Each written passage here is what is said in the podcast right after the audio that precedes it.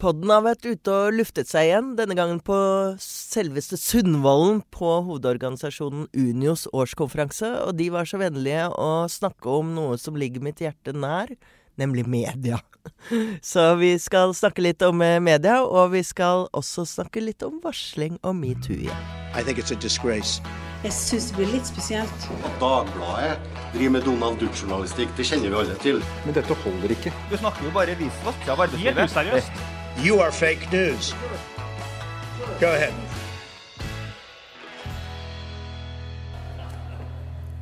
Da var det deg, Marie Simonsen, som kom opp på skjermen. Uh, Det er tid for uh, podkast. Vi skal ha et lite scenerigg her. Altså, siste, med, siste med Marie Simonsen. Jeg er så Eh, beskjeden at jeg har kalt den opp etter meg selv. ja, ikke sant?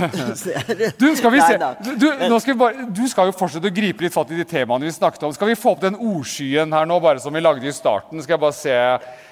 Skal, du har jo dine egne gjester. eh, som skal snakke om disse tingene. Vi, hva er eh, hva, er favorittordet her? Eh, altså Pondusstrypa, den tror jeg er det mest ærlige svaret, kanskje. Ja.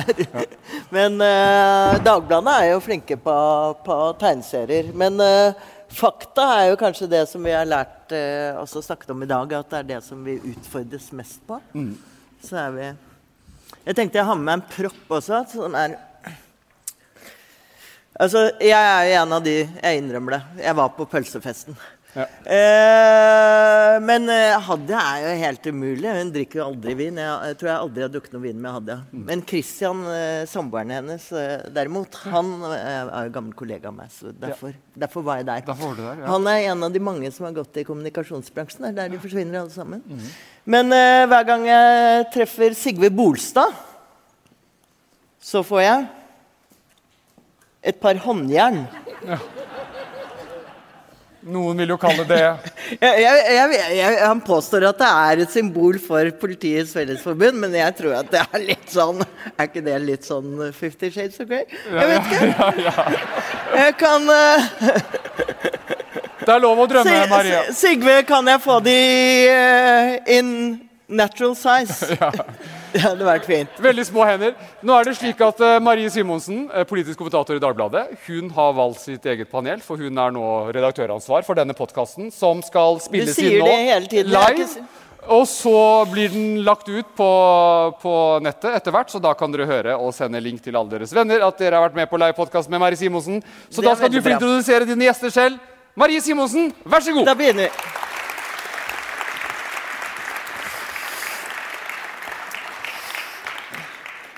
Velkommen til denne livepodkasten fra Unio-konferansen. Eh, vi skal eh, eh, snakke om det som har vært hovedtemaet her i, dag. Det er mulig at jeg ikke er helt enig i overskriften til Unio, som er at mediene har abdisert. Dette skal vi, få se nærmere på. Men vi skal også snakke om noe annet som er veldig viktig for at mediene og samfunnet skal fungere bra, og demokratiet skal fungere og alt mulig. Intet mindre. Og vi skal snakke om varsling med Sigve Bolstad og Hege Ulstein. Kan dere komme opp?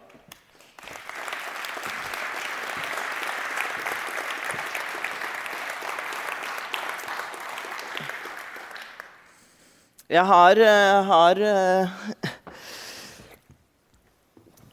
et par, par ting på Sigve Bolstad. Nei da, jeg har ikke, jeg har ikke mer det. Jeg har, eh, vær så god, sitt her.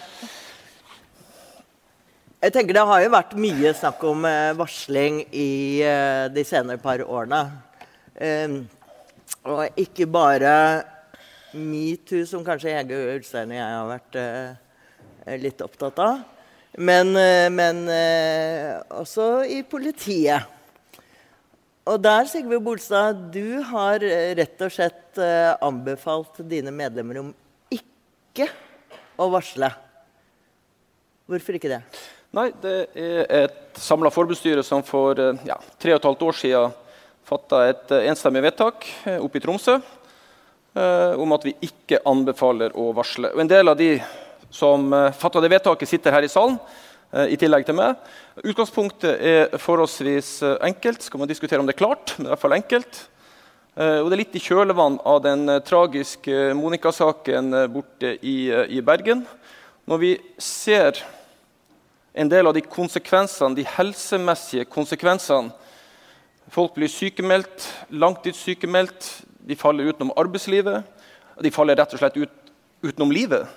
Eh, og kanskje har det gått så langt eh, at eh, noen har mista livet. Så er du tillitsvalgt Virkelig, dere har eksempler på det? Eller? altså, Det kan man ikke utelukke. La meg si det sånn. Man kan ikke utelukke det. Men det er bare for å ta eh, spennvidda fra A til Å. Så sitter man som tillitsvalgt med et enormt ansvar. Det kommer én eller ei til deg, dypt fortvila, sitter på en sak som man føler at dette er ikke rett, dette er galt. Eh, og så skjønner du at det du som tillitsvalgt sier og gjør og gir av råd, kan være helt utslagsgivende for det valget som vedkommende tar. Og Da tenker jeg som så Det er et enormt ansvar du sitter med der og da når du skal gi et råd. Det er en, kanskje en dypt fortvilt person som kommer til deg. Og da er liksom spørsmålet er det organisasjon og varsling og varslingsvern og alt er det det som er størst der og da for deg som tillitsvalgt, hvis den enkelte tillitsvalgte som sitter her, går inn i seg sjøl? Eller sitter man og føler på et enormt ansvar? Og kanskje kjenner man vedkommende? Men hvorfor fungerer ikke systemet? Altså Man har jo varslingsinstituttet, der lover og regler Fungerer ikke det i politiet? Etter, etter vår vurdering, og da presiserer Politiets Fellesforbund, da, eh, i og med at det er forbundsstyret i, eh, i, eh, i Politiets Fellesforbund, det har skjedd en del endringer. Og statsråden var inne på noen av de, eh, Anniken Haugland, eh, Hauglie. Men det er én ting hun presiserte som i hvert fall jeg eh, beit meg merke i. Det er ordet tillit. Altså, det må være en kultur og en holdning som ligger til grunn. Og det kan man ikke vedta sa av. For vår del, eh, og hvis man legger den tragiske Monica-saken i Bergen til grunn, så opplevde vi at prestisjen med å ikke gå tilbake og gjøre endringer i forhold til henleggelseskoden, nemlig at Monica sjøl hadde tatt livet av seg Prestisjen og det å løse samfunnsoppdraget var viktigere for ledelsen enn det å løse samfunnsoppdraget. Og Så får du flere varslere, bl.a. Robin Schæfer, som hadde vært på Politihøgskolen og hadde lært at i alle typer saker Blant annet så gikk man gjennom den tragiske Kristoffer-saken fra Vestfold. Lært at hver bidige stein skal snus. Men, men Så kommer han dit, og så registrerer man at det er ikke en eneste stein, selv ikke en liten stein, som skal snus. Det er rimelig spesielt. Men er dette typisk for, eh, for politiet generelt, eller er det, var det en spesiell sak som utløste disse reaksjonene? Nei, altså, Monica-saken er veldig spesiell. Ei åtte år gammel jente, du får det ikke mer tragisk. Tenk på mor og alle de nærmeste. Du, du får det ikke mer tragisk, ei heller eh, følelsesmessig. Så det er en spesiell sak. Eh, vi i Politiets Fellesforbund har ikke forska eller granska eller analysert eh, eh, noe videre utover dette. Men det er grunn til å tro, og det er jo varslingssaker i dag, og det har vært varslingssaker både før og etter Monica-saken, så det er grunn til å tro at det er en del saker, ikke bare i politi- og lensmannsetaten, men også i en del andre eh, organisasjoner. Og, og Det var jo veldig stort fokus på denne tragiske saken. og Jeg har ikke tall på hvor mange henvendelser eh, vi har fått. Og jeg er veldig glad for at når det først kom en sånn tragisk sak, så Kjetil Rekdal sitter på fremste rad her, var lokallagsleder. Ørjan, som sitter nede, som nå fungerer som lokallagsleder, og styret var ekstremt voksen og tok den sjansen det var Men- å gå imot et etablert system. Det står det respekt av. Men kan det være sånn at det er spesielt utfordrende med varsling i hierarkiske systemer, slik som eh, politiet? Ja, det, det, vil jeg ikke, det vil jeg ikke utelukke. Men i og med at jeg har eh, min karriere i politiet, så skal ikke jeg bli høy og mørk eh, Nei. og si hvordan det fungerer i andre organisasjoner. Men iallfall i politiet så er det grunn til å tro at hierarkiet er med på eh, å forhindre og avdekke eh, slike typer forhold. En nylig avgått riksadvokat Tor Aksel Busch han mente at eh, det nærmest ikke var så farlig med varslingsinstituttet i politiet, fordi at dere har jo en rapporteringsplikt. Så han mente at eh, ledelsen ønsker jo likevel at man skal rapportere. Ja, nei, altså, jeg har stor respekt for avgått riksadvokat Tor, Aksel Busch. Eh, men han kunne godt ha sittet i sofaen, han også. Det måtte vært en treseter her da. Eh, og så skulle jeg gjerne ha diskutert det med han. Eh, forholdsvis uenig. Mm. Hege Ulstein, du har uh, jobbet uh, mye med varsling opp igjennom uh, som journalist. og de siste par årene med metoo-tematikken. hva tenker du om at Sigve Bolstad advarer medlemmene sine mot varsling? Jeg syns jo det er veldig alvorlig og veldig trist. Men jeg skjønner jo også at han sier det, når han forklarer hva som er bakgrunnen. Det er ikke noe tvil om at folk som varsler om alvorlige forhold, eh, dessverre må regne med en ekstrem belastning. Eh, det har vi sett i metoo. Eh, flere av de som har sagt ifra om hva de har blitt utsatt for, har blitt utsatt for et mediekjør og blitt ja, mer eller mindre kalt for løgnere, eller i hvert fall måtte tåle harde insinuasjoner om at de har andre motiver osv. Og det kjenner vi også igjen fra andre typer varslingssaker, at det er ganske vanlig at Eh, at man antyder eller sier rett ut at varselet egentlig ikke handler om en konkret sak, men at det er en del av en større kontekst, en maktkamp hvor, ønsker, hvor man ikke når fram med andre metoder, og da prøver å f.eks. fjerne en upopulær leder eller, eller, oppnå den type ting ved, ved, å bruke eller misbruke varslingsinstituttet. Men først og fremst så syns jeg det er veldig alvorlig hvis, hvis det er sånn at vi har en situasjon i politiet hvor eh, hvor det ikke går an å si fra om eh, det, det, som egentlig er justismord. Ja, det, er... Det, det, er en, eh, en så alvorlig eh, omtale av hele den norske rettsstaten og rettssikkerheten at, eh, at det er jo eh, helt krise, for å si det som det er. Nå er det jo Sigve Bolstad. Eh, det er ikke alle medlemmene dine som eh, heldigvis holdt på å si, eh, hører på deg. Så det har jo vært en økning i antall varslinger. I hvert fall fra 2017 til 2018. da. Har du noe inntrykk av at politiledelsen har eh, hørt på deg og endret atferd, eller er det Jeg skal først kvittere på det som Hege sier. Det er klart Et sånt vedtak er en fallitterklæring. Eh, og det er egentlig en bakstrebersk Eh, vedtak der vi alle i Politiets Fellesforbund egentlig ønsker at hver en stein skal snus. Så jeg er helt enig i, i, i konklusjonen din. Eh, men det er på en måte et rop om hjelp. Så kan man jo diskutere eller forske på det. Hva har det egentlig betydd at Politiets Fellesforbund har fatta et så bakstrebersk vedtak? Kan det være at noen har lagt seg litt i selene og tenkt at dette må vi faktisk gjøre noe med? Uh, ta gjerne en forskning på akkurat uh, den biten. Så du mener det kanskje har ført til endringer? Ja, nei, så, uh, Ved at dere har ja, vi, har ikke, vi har ikke forska på det, men, men, men hvis så er tilfellet, så er jo det på en måte gledelig. I forhold, til, I forhold til spørsmålet ditt, nei, det er fremdeles folk som varsler i, i, i, politiet. Og så er det jo en gang sånn at det er ikke Politiets Fellesforbund som bestemmer hva de, det enkelte medlem eller ansatte i norsk politi skal gjøre. Eh, men vi ønsker å sette et stort søkelys på denne saken og sette et press på eh, det som skjer i arbeidslivet. Og, og vi er særdeles glad for den jobben som Uni har gjort. Ekspertutvalget som har blitt nedsatt. Og det er faktisk gjort en god del positivt og godt som nå skal virke fra 1.1.2020. Så rett skal på en måte være rett. Men vi er særs misfornøyd med at man ikke fikk på plass et varslerombud. Det var veldig, veldig nært. 52-48 i avstemninga. Men statsråden sa jo nå at dere skal få en nemnd. Det er jo nesten det er litt uh, noe av det samme?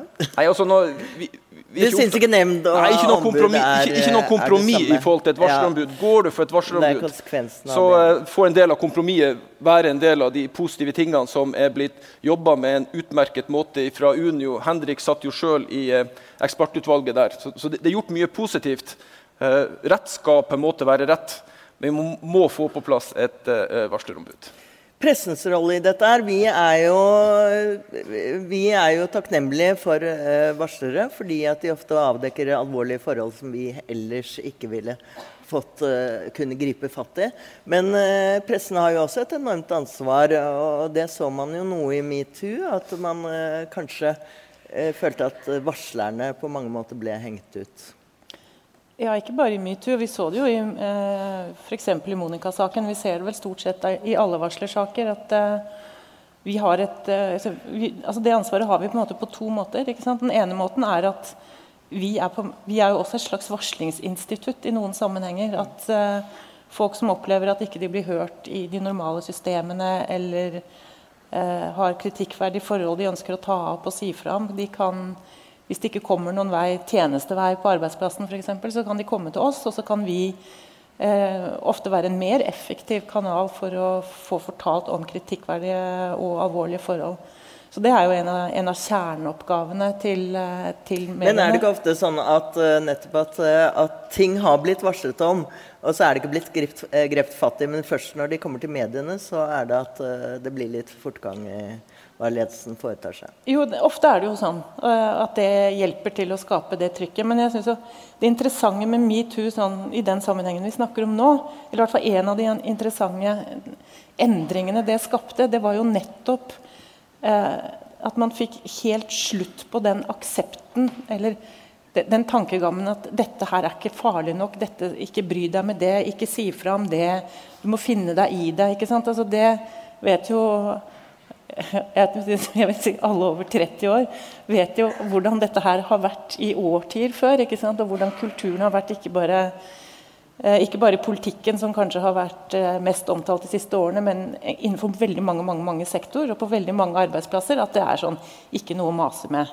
Og Endringen med metoo var jo nettopp at nå er det greit å si fra. Du skal gjøre det, og du blir tatt på alvor. Og jeg tror de fleste organisasjoner og arbeidsplasser i Norge også har endret uh, Det er ikke alle som har gjort det. Det kom en uh, undersøkelse akkurat offentliggjort i dag som viser at uh, samtlige universiteter og høyskoler ikke har noen systemer på plass for sextrakassering, for varsling av sextrakassering ja, det, det er jo håpløst. Men samtidig så tror jeg det er ganske mange konsernledelser rundt omkring i Norge som har sittet og utarbeida nye varslingsrutiner de siste to årene.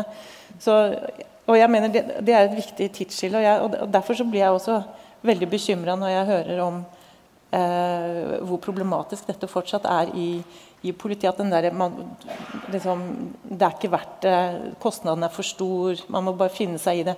At den tankegangen fortsatt eh, ligger der. Da, og særlig en, altså Politiet er jo en, en ekstremt spesiell dere, altså, dere, har en veldig veldig spesiell rolle i det norske samfunnet. Dere, er, dere har monopol på sivil voldsmakt. og det Eh, altså det, det, må fungere. Så jeg blir helt sånn Hæ?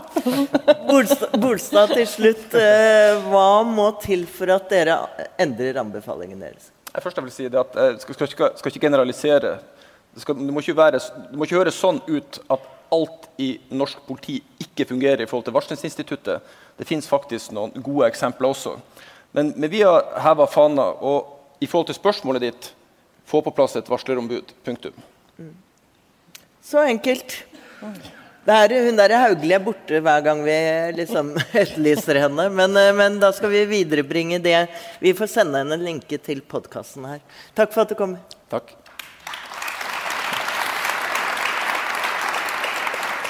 Da skal vi få en ny gjest. Skal kan du abdisere, Sigve? Abdisere? abdisere fra scenen. Det var kongelig, så det står jeg godt inne for. så skal vi få inn en uh, ny Det er alltid gøy når mediene kan snakke om mediene, men uh, vi skal vise at mediene er forskjellige ting. Og det er da, For disclaimeren er det er min gamle kollega Harald Klungtveit, men nå ansvarlig redaktør i Filter Nyheter, som altså er en av disse nye nisjeavisene som vi snakker så mye om. Velkommen hit, eh, Harald. Tusen takk. Jeg er jo litt uh, fristet til å spørre deg med en gang. Hvorfor forlot du Dagbladet? men jeg skal stille et spørsmål på en annen måte. Nei, men spør det sånn, det er fint. Nei, hva er det du kan gjøre i Filter nyheter som du ikke får gjort i Dagbladet?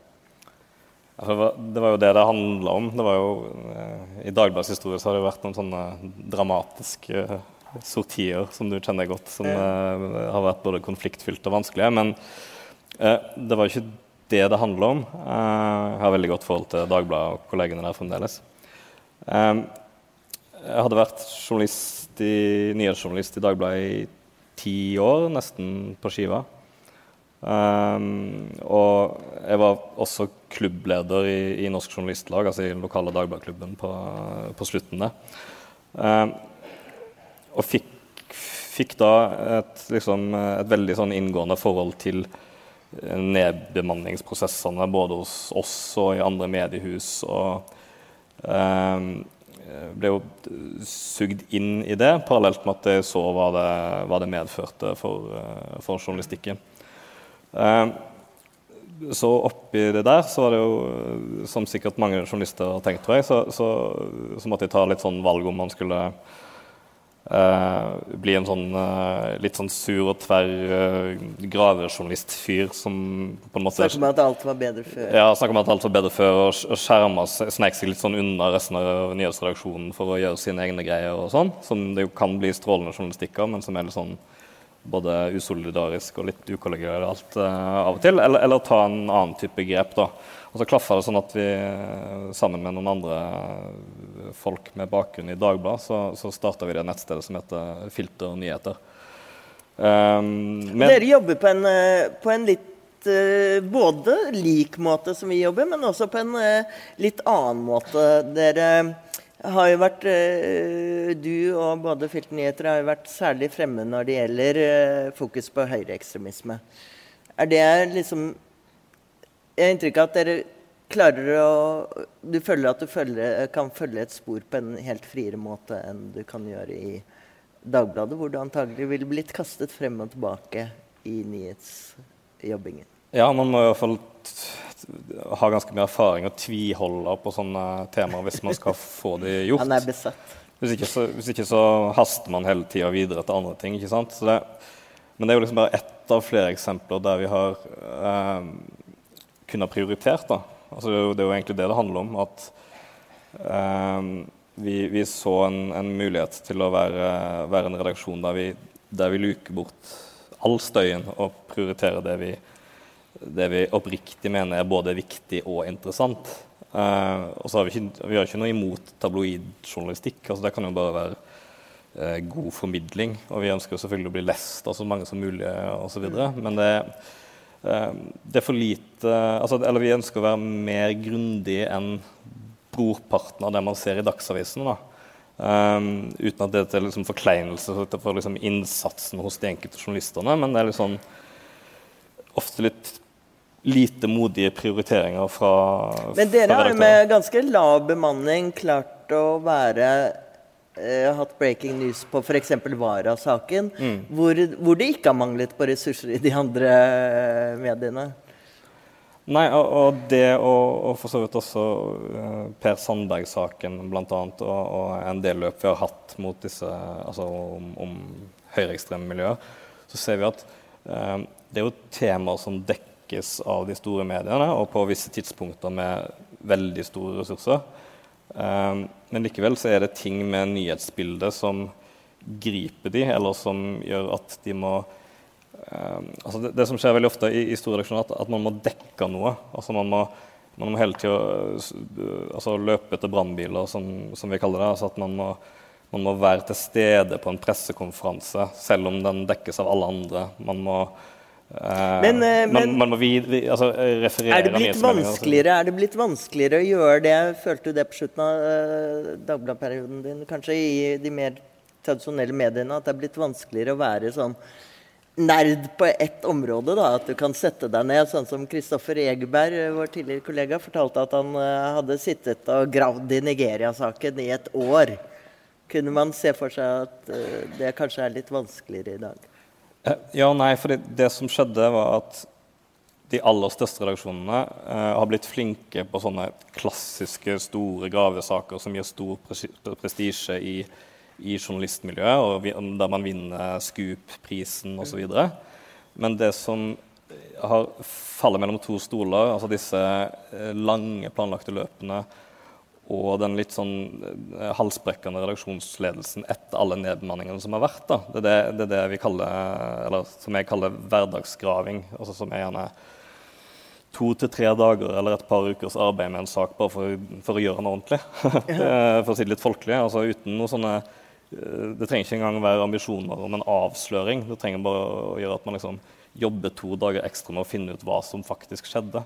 Mm. Istedenfor å ha en eh, litt overilt deadline eller bli kasta på en helt annen sak neste dag osv. Eh, jeg sitter jo hele tida og ser på at for så, så enorm redaksjon som NRK og de veldig flinke fagmiljøene, til og med med en del spesialister spesialister sånn som er der, så er det liksom, kan det bli veldig springende. og uh, ufokusert, da, som gjør at man eh, at, Som sikkert alle opplever, og som man gjorde litt narr av i underholdningsinnslag, og sånn også, at feeden vår blir liksom eh, full av vesentlig og uvesentlig og eh, ja. Det har vi blitt, det har vi blitt eh, klaget på lenge, syns jeg. Eh, Hege Ulstein, eh, Harald er jo som sagt ikke i- in it for the money, men, eh, men eh, Hege, i Dagsavisen er dere også har vært vant til dårlig økonomi lengre tid.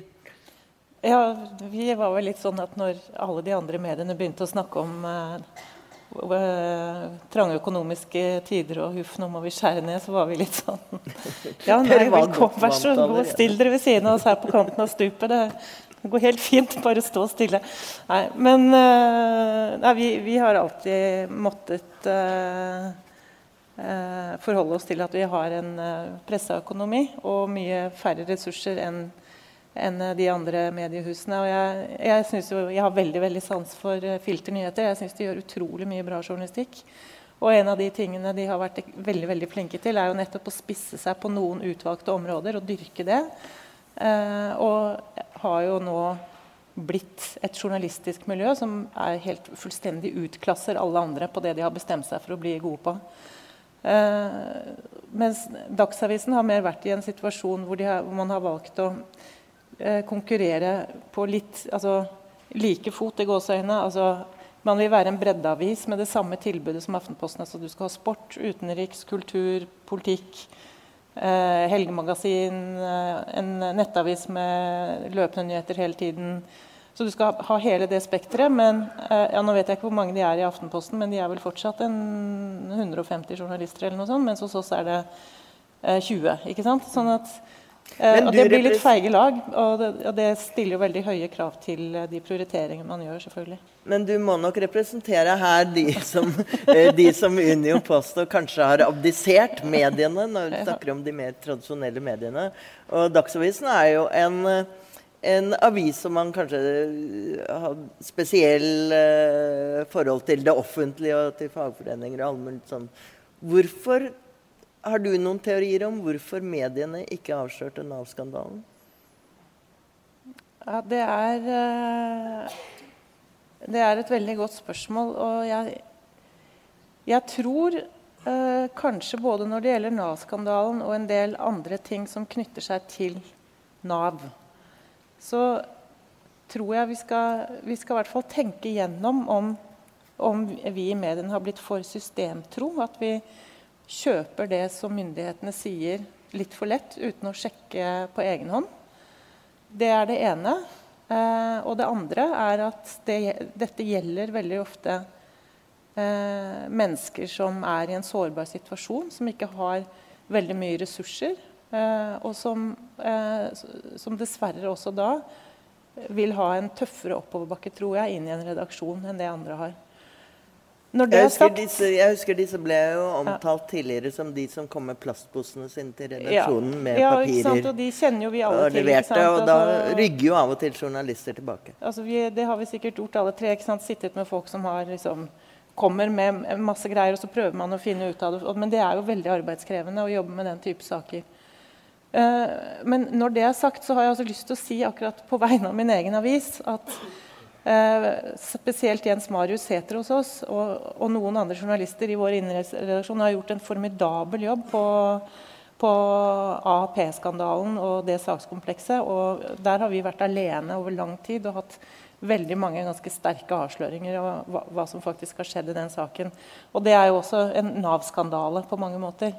Så, og, og den har også vært veldig viktig, og den berører mange mennesker. Så, så det er ikke helsvart, vil jeg si. Det for det er jo litt viktig å si at det er jo gåseøyne rundt den fjerde statsmakt her. Altså, vi, vi være, altså, jeg, jeg tror ikke det finnes noen, noe tidspunkt i mediehistorien der at det liksom nødvendigvis hadde blitt avdekka, selv om noen som altså, kom med den plastposen med alle bevisene. på en måte. Altså Hvis noen sier at her har rettssystemet, Riksadvokaten, regjeringen alle, alle, har tatt feil. Det, Nei, ikke sant? Altså, det, det, var jo eksempler på folk som faktisk prøvde å trenge igjennom og påstå at, eh, at man kanskje burde se litt nærmere på EØS-reglene, men når det møter veggen i alle instanser, så blir det jo straks litt vanskelig. Og det kan jo hende at journalister er enda dårligere på EØS-rett enn enn juristene. Ja, det er dine ord. Om det er mulig. Men Harald, du og Filternyheter eh, eh, representerer jo disse nye liksom, nisjestedene. Og, og du, eh, blir, Filternyheter blir jo ofte satt opp mot eh, dokument.no og Resett. Du er veldig glad for det, vet jeg. Men, eh, men jeg så eh, dokument.no kalte dere Odins soldater, for de mente at dere trampet rundt og bare var opptatt av høyreekstremisme. Men en vesensforskjell mellom dere og, Resett, ikke minst, da, er jo at dere følger Vær varsom-plakaten og presseetikken. Og hva betyr det? Altså, det er jo så enkelt og vanskelig som at vi, vi forplikter oss til, å, til, disse kjørereglene. Men vi har, altså, vi har jo vi praktiserer jo mye strengere husregler enn det vi for så vidt gjorde i Dagbladet f.eks. Altså, vi, vi, legger veldig mye vekt på etikk, men det ligger liksom det ligger ikke så vanskelig for oss da, når vi kan bruke veldig mye tid på enkeltsakene. Så, så har vi også tid til de gode og vanskelige etiske diskusjonene. Eh, for det handler jo også om ikke å ha berøringsangst. da.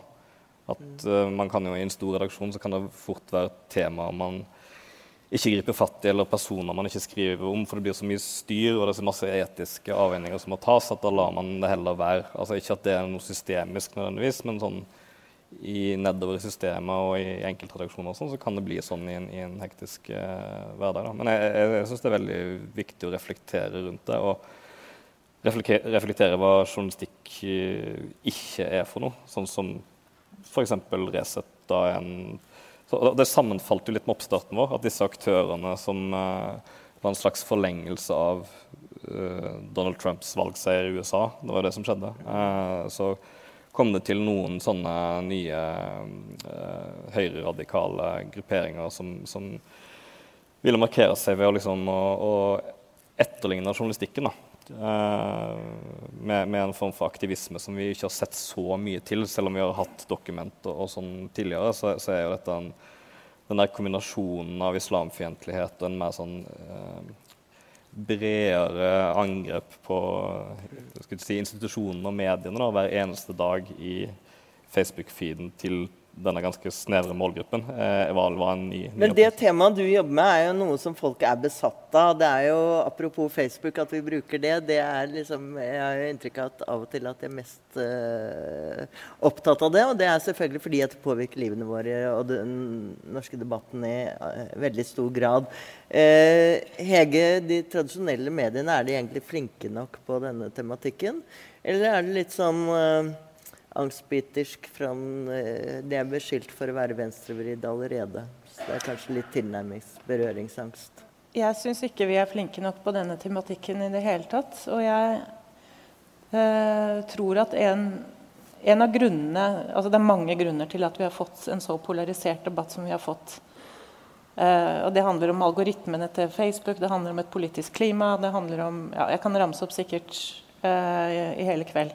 Men én eh, viktig faktor, tror jeg, i hvert fall sånn som jeg leser det norske mediebildet, det er at eh, og Litt apropos det Harald sa i sted. Dette er, dette er veldig enkel, billig, kjapp og lettvint journalistikk. Altså det er veldig raskt å lage en kjapp kommentar hvor man hisser seg opp over et eller annet man har sett på Facebook, og eh, spisser det litt til og kommer med en sterk mening, både den ene veien og den andre veien. Vi snakket litt uh, i bilen på vei opp hit om, om den siste greia nå med, uh, fra Seljord. Med en lærer som skal ha sagt til en elev at vi i, ikke bruker ordet jul.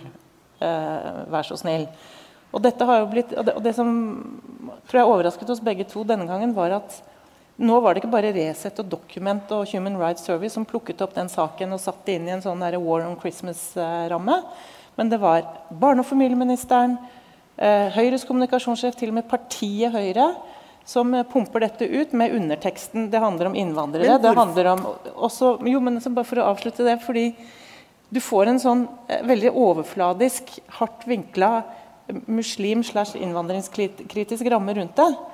Eh, og så glemmer, glemmer folk tilsynelatende at forrige gang vi hadde en sånn sak i, i Norge, så, så ha, dreide det seg om Jehovas vitner. Eh, det var ikke en muslim som hadde, eller en muslimsk familie som hadde sagt det. Og det Men har jeg, vært, men jeg så det at uh, Høyre la faktisk ut en sånn plakat på Facebook og som var liksom Hva, hva syns dere om dette her? Og det var litt sånn clickbait uh, de luxe. Men det er man jo ikke vant til at Høyre driver med. Øh, ser man en utvikling hvor også de mer, mer uh, sentrumanstendige partiene også begynner, begynner å oppføre seg sånn som Fremskrittspartiet og, Ja, altså og det- populistiske partier gjør? Ja, det, det åpenbart. Altså det, det, uten sammenligning for øvrig, for, for så vidt. Men Høyre hadde jo også en sånn Viagra-reklame i valgkampen med en sånn banan som gikk opp og jeg vet ikke om den, det har begynt noen nye folk i kommunikasjonsavdelingene. Hvis man skal ha en snill tolkning av det, da altså Vi må jo forutsette at det ikke er reinspikka populisme, at de har gått helt over bord i den retningen. Så, så tror jeg nok at de genuint strever med i partiapparatene, eh, både i Høyre og Frp og KrF, eh, på hvordan de skal møte dette. Altså man, man har en situasjon der eh, ytre høyre internt i Frp hele tida har et slags sambruk med disse eh, innvandrerfiendtlige nettstedene. Eh, og så skal det liksom på, en eller annen måte balanseres opp eller par pareres fra regjeringshold og partifeller og alt mulig. Så, så jeg tror liksom de, de, de forsøker liksom å, noen ganger å ta luven av det eller løse det på lavere nivå osv. Og, så, videre, så, så bommer de også hele tida på hvordan det her eh, eskalerer. da. Jeg syns det er veldig interessant journalistisk, og, og jeg mener at liksom langt flere medier burde dekka disse strukturelle tingene og det, dette persongalleriet og sånn. For hvis, hvis, eh, hvis ikke så får, får de liksom skri historiefortellingen hele veien om hvordan dette oppsto. ikke sant? begynne å gjøre journalistikk på en ny måte. fordi at det som har skjedd de senere årene, og det er jo ikke noe, akkurat noe nytt nå, men det er jo at, eh, at uh, store organisasjoner, partene i arbeidslivet, uh, partiene, har enorme kommunikasjonsavdelinger og går, uh, går rundt oss. Og Equinor kjøper opp podkaster og uh, de, så, så hvis vi eh, lar dem gjøre det, så, så slipper de unna med å lage sin egen journalistikk og sin egen sannhet. Er det en måte man må jobbe mer sånn som, sånn som deg, da, Harald? Være litt uh, Altså, frekkere og mer respektløs? Er det det som er problemet? Det, det er At vi henger igjen i gamle tror i hvert, hvert fall at man må kutte ut en del sånn utspillsjournalistikk, altså fragmentariske eh, mening og synsing uten at den politikeren eller den maktpersonen som kommer med det, blir konfrontert med fakta på noen som helst måte. For det er en sånn eh, det mener jeg er en sånn anakronisme i journalistikken. Da, at man kan slippe til en politiker med en eller annen eh, eh, vidtfavnende påstand eller betraktning eller overdrivelse. Liksom, og så er det, liksom en, det er eksklusivt for Dagbladet eller eksklusivt for VG. Og så blir, det, så blir det fulgt opp senere, og det blir lagd god kritisk journalistikk senere. Men sånn som medievirkeligheten er i dag, så er det den første saken som får alle delingene, som får spredningen. Og så, så, liksom, så sitter man jo ikke igjen med egentlig journalistikk eh, rundt, rundt temaet. Så det er litt trømske tilstander som eh, sniker seg inn i den norske virkeligheten nå? Hvor det ikke spiller så mye rolle hva, hva om man sier gale ting? Nei, vi, vi er jo heldigvis veldig langt unna det. da. Um, og Det er også viktig å få med seg at når man ser undersøkelser av mediebruk og sånn, så er jo altså de, det man liksom foraktfullt kaller mainstream media, har jo veldig høy tillit i Norge, sånn både samla sett og når man ser på enkeltmedier. Og, og disse, disse som lager veldig mye støy, altså nettsteder som Resett og, og andre, de, de har veldig liten oppslutning. altså Det er en, det er en marginal, men veldig veldig høylytt gruppe som, eh, eh, på noen hundre og noen tusen som er liksom kjempeaktive i alle kommentarfelt. sø- Sørger for veldig mange delinger, men de har ikke nødvendigvis liksom noe rekkevidde utover utover det, eller noe gjennomslag. Og, den, og de, de, ønsker å skape et bilde der liksom, tilliten til journalistiske medier har kollapsa, men det er jo overhodet ikke riktig. Og det er jo det er ikke riktig i USA engang. Har du inntrykk av altså Hva slags uh, lesere er du har? Er det, er det Jeg har jo inntrykk av at det er meg og alle i mediene som elsker filternyheter. Uh, men, uh, men, er det noen av de samme som leser Resett og Dokument og filternyheter, f.eks.? Legger du merke til sånne ting, eller er det nå en polarisert verden? hvor man ikke leser hverandres litt, nettsteder. Litt viktig å si at vi skriver om veldig mye andre ting. Ja, altså, vi, vi, satser mye på klimajournalistikk, f.eks. Uh, og det kan jo være et tema der Eller det er et det tema der polarisering, der er polariseringen veldig stor. Og der ser vi eh, både i kommentarfelt og annen type kontakt med lesere at, uh, at vi møter på liksom både si, fans og forskere som er liksom faktorienterte og syns dette vil liksom eh, spre den type innhold og sånn, og liksom helt ute på eh, vitenskapsfornekting og eh, folk som kommer trekkende med masse obskure nettsteder i kommentarfeltene og sånn. Um, men, men om det er jo ikke altså, men vi syns bare det er fint hvis, hvis eh, noen ekkokamre eh, trekker vårt stoff inn i seg på en eller annen måte og diskuterer det. For det er liksom Det er positivt. Eh, ja, fordi liksom det, det, er litt av premisset hos oss at forsøksvis da, at hver enkelt publisering skal ha en helhet og en grundighet som gjør at, at de tilfører debatten noe, og ikke bare er en del av ordskiftet på den ene eller andre siden. Uh, til sist, Jeg øh, føler jo at vi i løpet av dagen her i dag har svart på dette frekke spørsmålet fra Unio uh, om at mediene har abdisert. Men uh, Hege, til slutt er, er, mainstream media, som man sier når man ikke dekker mediene, er de på vikende front, eller har de fortsatt grep om dagsordensettingen? Er det Unio, hvis de skal få ut sakene sine, skal de komme til oss, eller skal de jeg tror, ikke, jeg tror ikke de skal gå til Resett, i hvert fall.